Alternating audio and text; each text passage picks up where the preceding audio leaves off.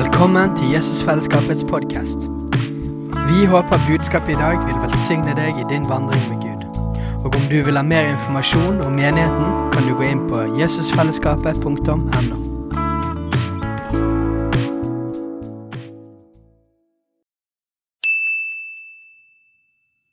Hei! Visste du at Jesusfellesskapet starter en ny bibelskole til høsten? Den heter Jesusskolen og starter den 3. september. Gå inn på jesusskolen.no for mer informasjon. Steinar eh, prekte forrige søndag eh, i forhold til dette her med tida vi er inne i nå. Jeg går ut fra at dere har fått med dere hvilken måned det er. Det er juni, ja. Eh, det er sommer, men det er jo også da i, i, i Norge, altså pride-måned og sånne ting. Eh, anbefaler veldig for de som ikke var der, å høre Steinars forkynnelse på dette. Eh, fordi det er viktige ting. Samtidig så er det to sider av det. eh, og hvor, eh, Det er det som er så fantastisk med Bibelen og med Gud. Gud er stor, han er mangfoldig. Så det er mange sider av ting. Eh, Det ene er altså at pride og hele den greia der kommer absolutt ikke fra Gud. Det er ikke noe vi skal være med på, det er ikke noe vi skal stå for. det er ikke noe sånt. Men den andre sida er hvordan møter vi da alt dette her? Det er jo den andre sida.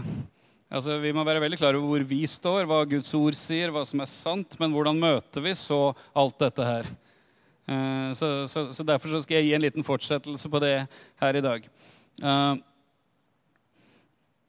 Vi kan begynne i Johannes evangelium kapittel 1. Noen vers der.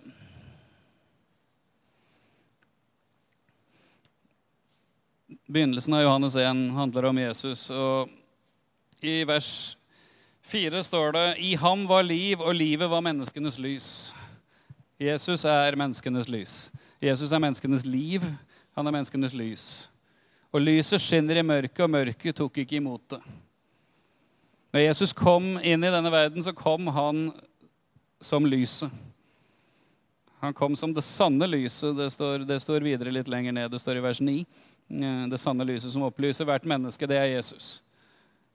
Og han kom altså inn i denne verdens mørke.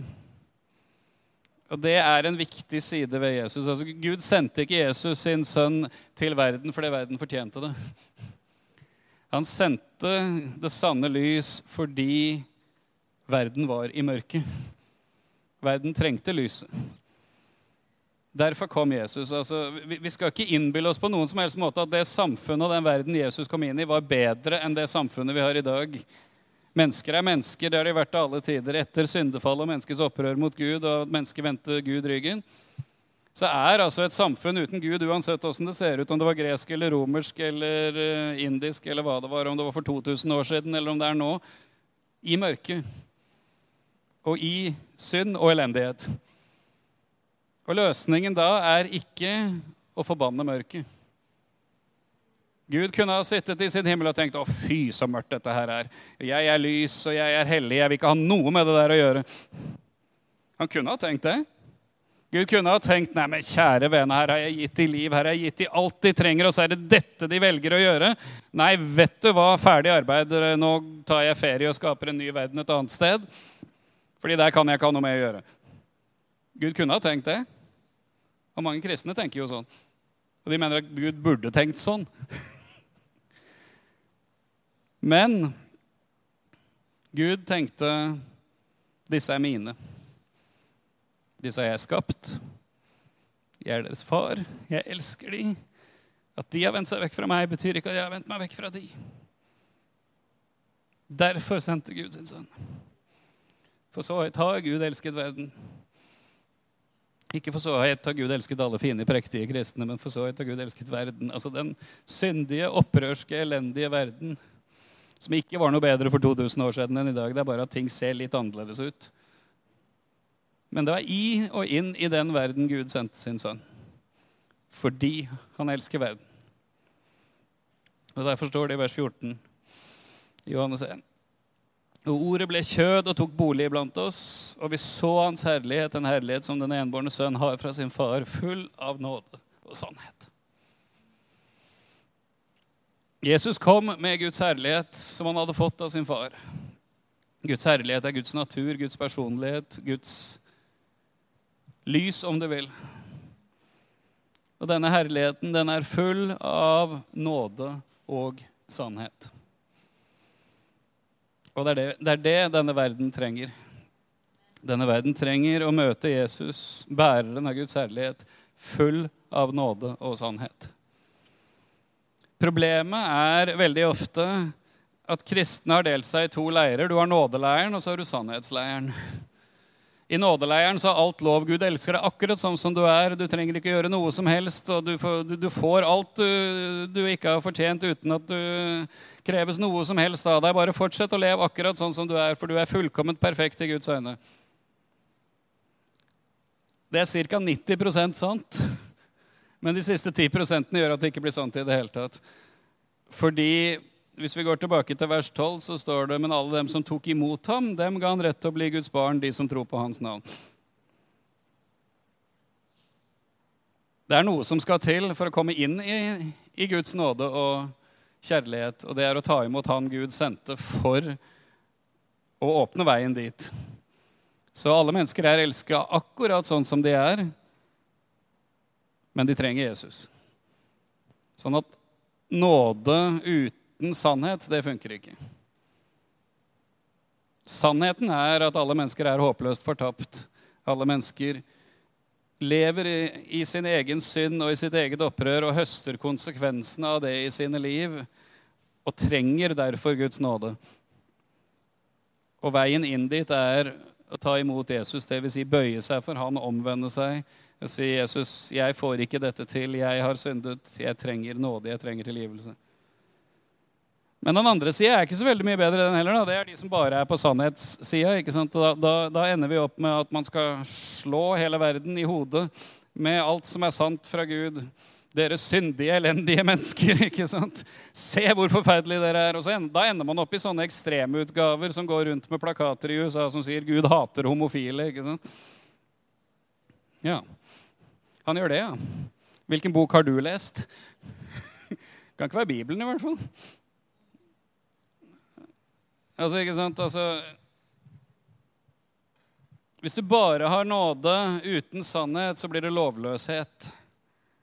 Det denne verden tror er frihet, er det Bibelen kaller lovløshet. Og lovløshet det fører ikke til frihet, det fører til at man bare blir bundet på enda flere områder. Men hvis man bare har sannhet uten nåde, så blir det loviskhet. Og det er like ille, bare på, bare på en helt annen måte det er at jeg tror at jeg er bedre enn deg fordi jeg klarer å følge reglene bedre enn det du gjør. og Derfor så står det så mye bedre til med meg enn det står med deg. Og derfor så ha, kan du gå fortapt, du ditt forferdelige menneske, og så kan jeg være på vei til himmelen fordi Gud elsker meg og ikke deg. Halleluja. Ingen av de der er gode nyheter, altså. Men i Jesus så forenes Guds nåde og Guds sannhet. Og derfor kan Jesus forandre og forvandle menneskers liv som den eneste. Det er de gode nyhetene. Sannheten er vi er håpløst fortapt. Ingen klarer å finne veien, ingen klarer å nå Gud på egen hånd. Men på grunn av at Gud sendte sin sønn, så kan vi gratis, ufortjent bare av nåde, få ta imot hans frelse. Det er nåde og sannhet. Og Jeg tenkte på det her i går. Det var prideparade og alt mulig. Veldig bevisst så har jeg ikke valgt å se på nyhetene og se alle bildene. og sånn. Jeg trenger ikke de, men jeg tenkte, Når Jesus ser på prideparaden, hva ser Jesus da? Tenkte jeg. Og Da kommer jeg til å tenke på noen vers i Matteus kapittel 9.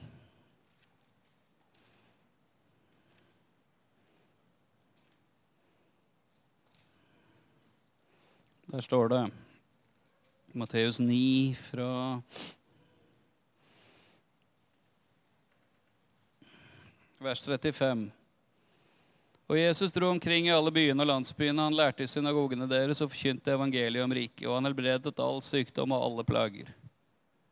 Da han så folket, fikk han inderlig medynk med dem, for de var herjete og forkomne som får uten hyrde. Når Jesus ser på prideparaden, så er det sånn han ser på dem. Han har inderlig mening med dem, for de er herja og forkomne som får uten hyrde. Det vi ser der ute, er ikke hvor forferdelige disse menneskene er. Det vi ser der ute, er resultatet av å være får uten hyrde. Det går galt det uansett i hvilken variant. Det er en av variantene. En verden som er får uten hyrde. Da sa han til disiplene sine høsten er stor, men arbeiderne få. Be derfor høstens herre at han vil drive arbeiderne ut til sin høst. Jeg tror jo faktisk når Jesus ser på noe sånt, så ser han høst. Kanskje ikke lett for oss å se.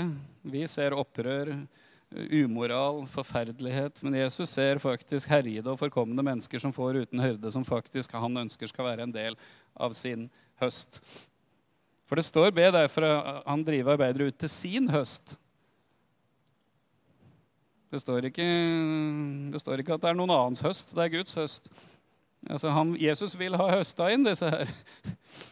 Han vil ikke at de skal gå fortapt. Han vil ha de høsta inn. Men da krever det og Nå skal jeg ikke si 'krever' som at nå må vi skjerpe oss og ta oss sammen. Men skal noe sånt bli til høst, så må det hjertet Jesus hadde, være til stede. Jeg tror ikke det funker å i går stille seg på et gatehjørne med en stor plakat i Bergen sentrum mens Pride-paraden går forbi og si 'omvend deg, ellers kommer du til å brenne i helvete'. Altså hvis, hvis, Gud gir deg et profetisk ord om at du skal gjøre det, da skal du gjøre det. Men hvis ikke, så tror jeg ikke det er løsningen. Jeg tror løsningen er inderlig medynk med mennesker som er herjede og forkomne, som får uten hyrde. Og det hjertet, Jesu hjerte, kan føre til forandring. For ifølge Paulus i Efeserbrevet 6, som er noen sånne vers som de fleste av oss har lest noen ganger uh, altså Noen karismatikere er veldig, veldig glad i. Så står det i vers 10. For øvrig, bli sterke i Herren og i Hans veldige kraft. Ta på dere Guds fulle rustning, så dere kan holde stand mot djevelens listige angrep. For vi har ikke kamp mot kjøtt og blod, men mot maktene, mot myndighetene, mot verdens herskere i dette mørket og mot ondskapens ånde her i himmelrommet. Vi har en kamp, men den er ikke mot kjøtt og blod. Den er ikke mot mennesker, den er mot disse maktene og myndighetene som har forblinda, forleda, forført, fordreid og forvridd og gjort at mennesker er herja og forkomne som får uten hyrde. De har vi kamp mot, og de skal vi få lov å kjempe mot så mye du orker. altså. Så lenge det er leda av Gud, og du ikke byr deg ut i, ut i ting du ikke har verken autoritet til eller noe som helst annet. Det er en annen tale. Men vi har en kamp mot de kreftene som står bak det som skjer der ute. Og Der skal vi bruke vår autoritet, der skal vi bruke Jesu navn, der skal vi bruke det at vi er satt med Kristus i det himmelske, og vi skal be, erklære, proklamere Guds sannhet og kaste ut alt som skal kastes ut, og bringe inn alt som skal bringes inn. Der kan vi få krige så mye vi vil, men vi kriger ikke mot menneskene der ute. Vi har kamp, men ikke mot kjøtt og blod. Vi har ikke en kamp mot mennesker. Amen. Vi har en kamp mot makter og myndigheter og ondskapen sånn der i himmelen, vi er kalt til å elske mennesker.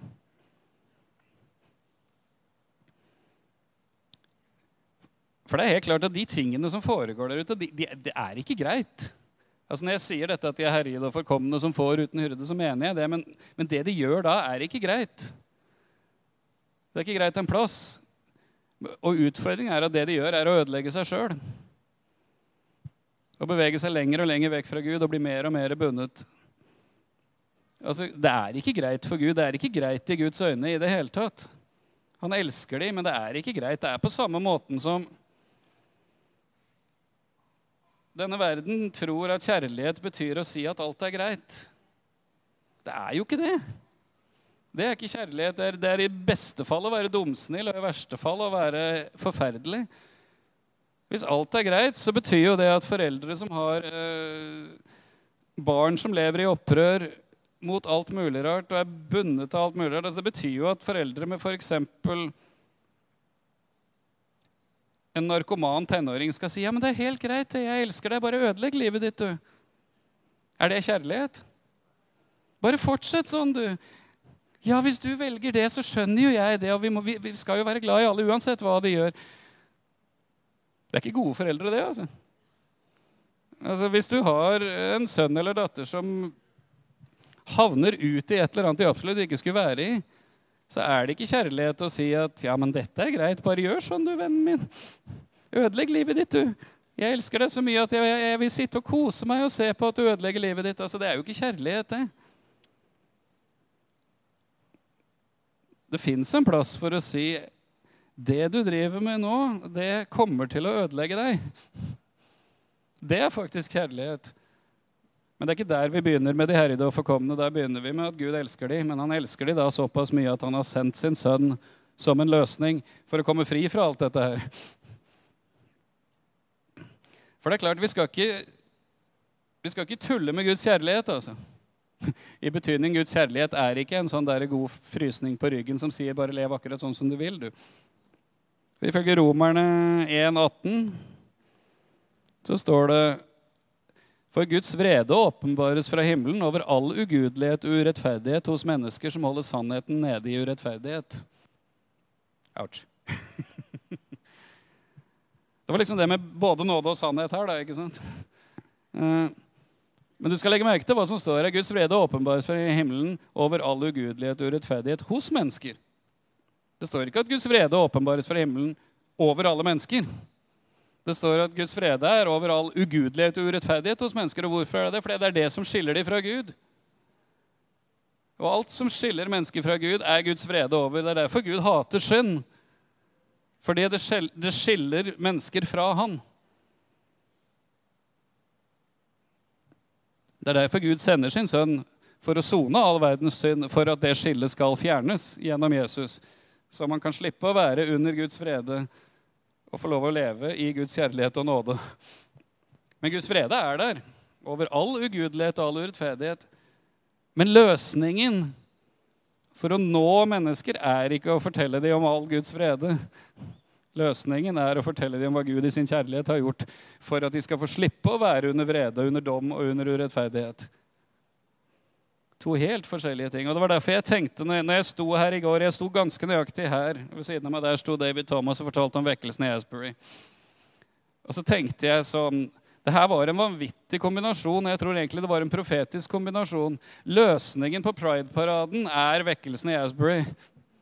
Altså ikke, ikke at de må, vi må sende Pride-paraden dit, men løsning. Guds svar på pride og parader og alt mulig er en utøselse av Guds ånd som gjør at mennesker møter Jesus radikalt og blir radikalt frelst og forvandla. Det er løsningen. Ikke demonstrasjonstog, ikke å fortelle mennesker hvor forferdelige og elendige de er. For dypest sett og innerst inne så vet de fleste egentlig det. Hvis de blir helt stille og, og, og og trekker pusten dypt og sier 'Åssen er livet mitt egentlig?', så, så, så, vet de fleste innerst inne at det er sånn det er. Og Hvis ikke de vet det, så kan de spørre Gud åssen det er. Løsningen er utøselse av Den hellige ånd. Løsningen er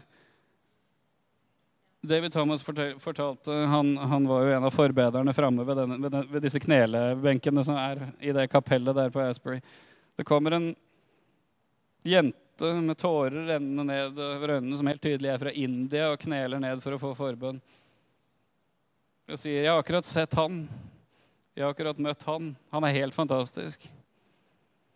Så ber han en kort bønn og velsigner og så, så, så, sier han, 'Ja, vil du ta imot han? Vil du ta imot Jesus?' 'Ja, selvfølgelig vil jeg det.' Ei hinduistisk jente fra India kommer inn i Guds nærvær og møter han. Og da vil hun ha han og ikke det hun hadde fra før. Hvis det hun hadde møtt, var et menneske som sa ja, men du forferdelig ugudelige mennesker, du kommer fra en å, generasjon, tusen generasjoner med avgudsdyrkelse, omvend deg, du forferdelige menneske. Jeg tror ikke du hadde fått samme resultatet som ett møte med Jesus. Jeg tror ikke det. For det som Peter sier i sitt andre brev, kapittel 3, vers 9, så er det ikke slik at Herren er sen med å komme, men han drøyer faktisk fordi han vil at så mange som mulig skal nå fram til omvendelse. Det er derfor Jesus venter med å komme. Ikke for at verden skal gå enda mer av hengslene, men for at så mange som mulig skal nå fram til omvendelse. For Gud vil at alle mennesker skal bli frelst og komme til sannhetserkjennelse, sier Paulus i 1. Timotius, brev kapittel 2. Men for å komme dit da, så må vi kanskje følge oppskriften som står før det. 1. Timotius kapittel 2.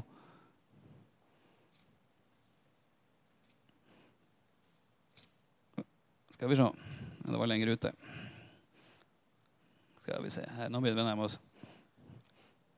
Mhm. Ja, ja, ja. Jeg pleier ikke å være så langt bak i boka, vet du. Nei da.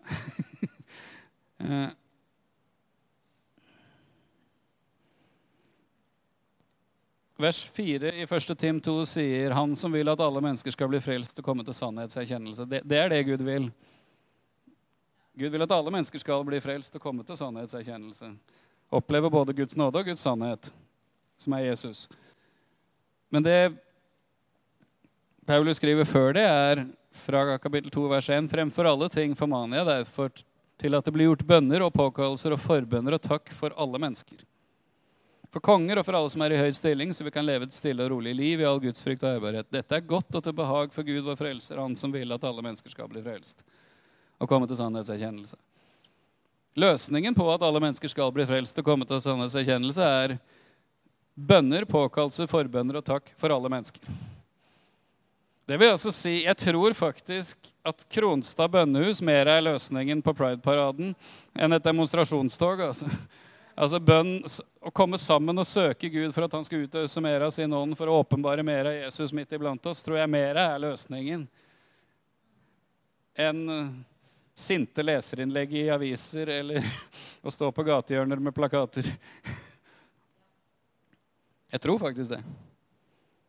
Vi skal være veldig klar over hva djevelen holder på med. Vi skal være veldig klar over hvilken kamp vi står i, men den kampen er ikke mot menneskene.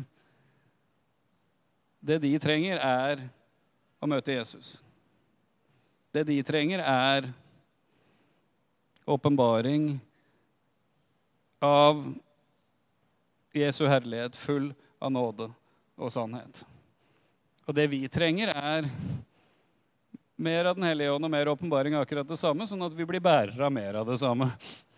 Altså, det er det som er så fantastisk. Altså, vi sitter ikke her fordi vi fant det ut og fordi vi er flinke. Vi sitter her fordi vi skjønte at vi trengte Jesus. Derfor har vi gitt livet vårt til han. Og Derfor trenger vi mer av han, sånn at det kan flyte mer av han ut til de rundt oss, sånn at de også kan skjønne at de trenger han. Er det ikke så enkelt, da? Og samtidig så vanskelig. For det, så, det betyr jo at da må vi kanskje sette av litt mer tid da, eller gjøre et eller annet mer for at vi skal få tak på mer av Jesus. da. Det er en sånn merkelig ting, det har jeg sagt så mange ganger også på bibelskolen jeg underviser i vekkelseshistorie. Den merkelige tingen med Gud er det at den som søker, han finner han. Det er den merkelige tingen med Gud. Altså. Det, det, kan se så mørkt ut det bare vil i samfunnet, men hvis noen begynner å søke Gud, så kommer Gud mer. Det er så enkelt.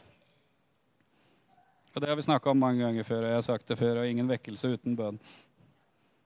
Og jeg tror faktisk at Sånn som det vi gjorde her i dag. altså Når vi opplevde under lovsangen at Gud kommer og leder til å gjøre mer, så, så, forandrer vi programmet. Vi hadde mer vi skulle ha gjort, og sånne ting, men det kan vi ta en annen dag. Da bruker vi tid på det for at Gud skal komme mer i våre liv. For gjennom det så kan Gud komme mer ut fra våre liv til samfunnet rundt oss også. For det er jo det er det som er den fantastiske dobbeltheten. Altså, vi er 100% elska som vi er, og Gud syns vi er helt fantastiske. Samtidig så må Jesus inn i bildet. Skal vi komme i kontakt med den kjærligheten. Det fins bare ett kontaktpunkt. Det fins bare én vei inn i Guds nåde og godhet og sannhet og kjærlighet, og det er Jesus. Enten det er for deg og meg, eller det er for hvem som helst der uten det. Enten det er direktøren med millionlønn eller det er en som ligger i rennesteinen, eller det er en som går i Pride-parade, eller det er en som aldri i verden kunne tenke seg å gå i Pride-parade. Altså, det er bare Jesus som er løsningen uansett. Og Det gjør jo også det at vi har ingen rett til å dømme noen. De er jo allerede under dom hvis ikke de har Jesus. Er det ikke det, da? Det er det.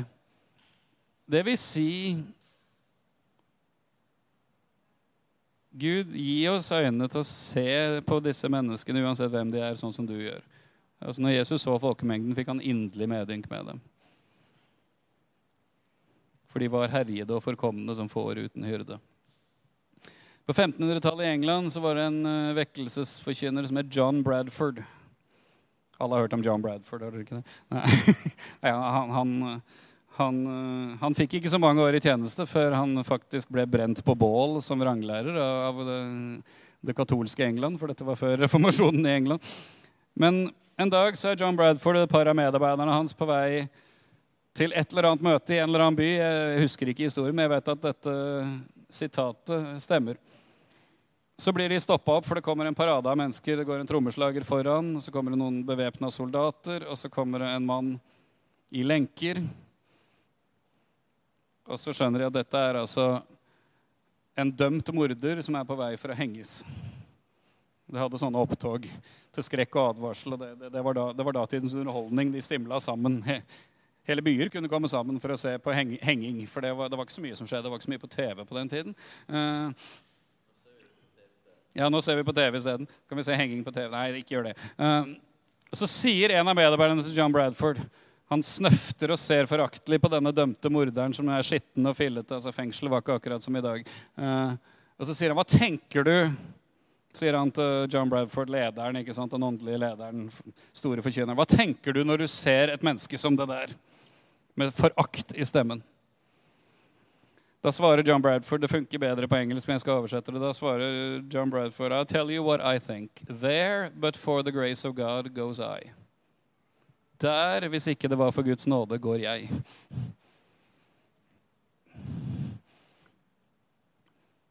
Det er sånn vi skal tenke om menneskene der ute. Den eneste grunnen til at du ikke er der ute og holder på med akkurat de samme tingene, er Guds nåde. Ingenting annet. Ikke fordi vi fikk det til, ikke fordi vi fikser det, men fordi vi skjønte at vi trengte Guds nåde. Derfor er vi her og ikke der. Og Vi kan tenke at dette er myndighetenes feil, vi kan tenke at dette er politikernes feil som vedtar ugudelige lover, vi kan tenke på den forferdelige kulturministeren og vi kan tenke på alt dette her. Men, men det er ikke sånn det fungerer. Sannheten når det gjelder samfunnet, er at vi får de politikerne og de lovene som vi fortjener. For det er jo faktisk vi menneskene som har valgt inn disse politikerne. Ja, men jeg stemte jo ikke på de. Nei, men flertallet gjorde det. Og hvorfor gjorde de det? Fordi flertallet ikke kjenner Jesus. Ikke kjenner Guds verdier, ikke kjenner Guds vilje. Og da stemmer de på hva som helst annet fordi det virker jo greit eller er populært eller whatever. Så for å sitere en som jeg også siterer på, på bibelskolen, og som jeg kanskje ikke siterer så veldig ofte, den romerske historikeren Sautonius skrev på 300-tallet. Keiserne søkte å forandre samfunnet ved lover, regler og makt. Kristus forandret det ett hjerte om gangen. Når nok hjerter blir forandra, så forandres samfunnet. Hvis få hjerter blir forandra, så er det den veien samfunnet går. Så vår business er mye mer å være i hjertebransjen enn å være i politikkbransjen. Gud velsigne alle. Gud kaller til å gå inn i politikk. det, det var ikke den talen. Men forvandlede hjerter forvandler samfunn. Forvandlede hjerter skjer ved å få et møte med Han som forvandler. Vi så Hans herlighet, full av nåde og sannhet, den herlighet den enbårne sønn har fra sin far. Er, Jesus er fortsatt full av nåde og sannhet. Og han er svaret, og han er løsningen, uansett hva problemet der ute er, eller uansett hva problemet her inne er. Halleluja. Takk, Herre. Så Jesus, vi ber om mer av deg, Herre. Vi ber om mer av din ånd, Jesus. At du skal øse ut din ånd iblant oss. At du skal møte oss, Herre. På alle de områdene vi trenger mer av deg, Jesus. Men enda mer at du skal utøse din ånd over oss som enkeltmennesker, over oss som menighet, over ditt folk i denne byen, over ditt folk i dette landet. Så vi kan få være bærere av din herlighet. Så vi kan få være formidlere av din nåde og sannhet. I din ånd og i din kraft, Herre. Herre, vi klarer ikke dette sjøl. Vi får ikke dette til. Men vi tror på deg, og vi tror på dine løfter, og vi tror at du er like stor og like mektig i dag som du var da. Vi tror at du har kalt oss og ført oss sammen for å være ditt legeme. Og som ditt legeme så vil du blåse din ånd inn i oss og vekke oss til liv og reise oss opp, så din herlighet og din nåde og sannhet kan flyte ut fra oss som enkeltmennesker og som fellesskap, og forvandle mennesker som igjen forvandler hele samfunnet. Takk at det er din plan, Jesus. Det var din plan da, og det er din plan fortsatt nå. Og takk at vi får være en del av den planen, av bare din nåde og godhet. Amen. Hei, alle sammen. Det er Katrine og Steinar Lofnes her. Vi er hovedledere for Jesusfellesskapet. Så kjekt du har lyttet til denne podkasten. Har du forresten hørt noen av de andre podkastene våre? Ukens tale, Disippelskolen, Hyrdepodden, Kulturkrigen og Mammas hjerte. Du finner disse podkastene på Spotify, Apple Podkaster og på nettsiden vår jesusfellesskapet.no.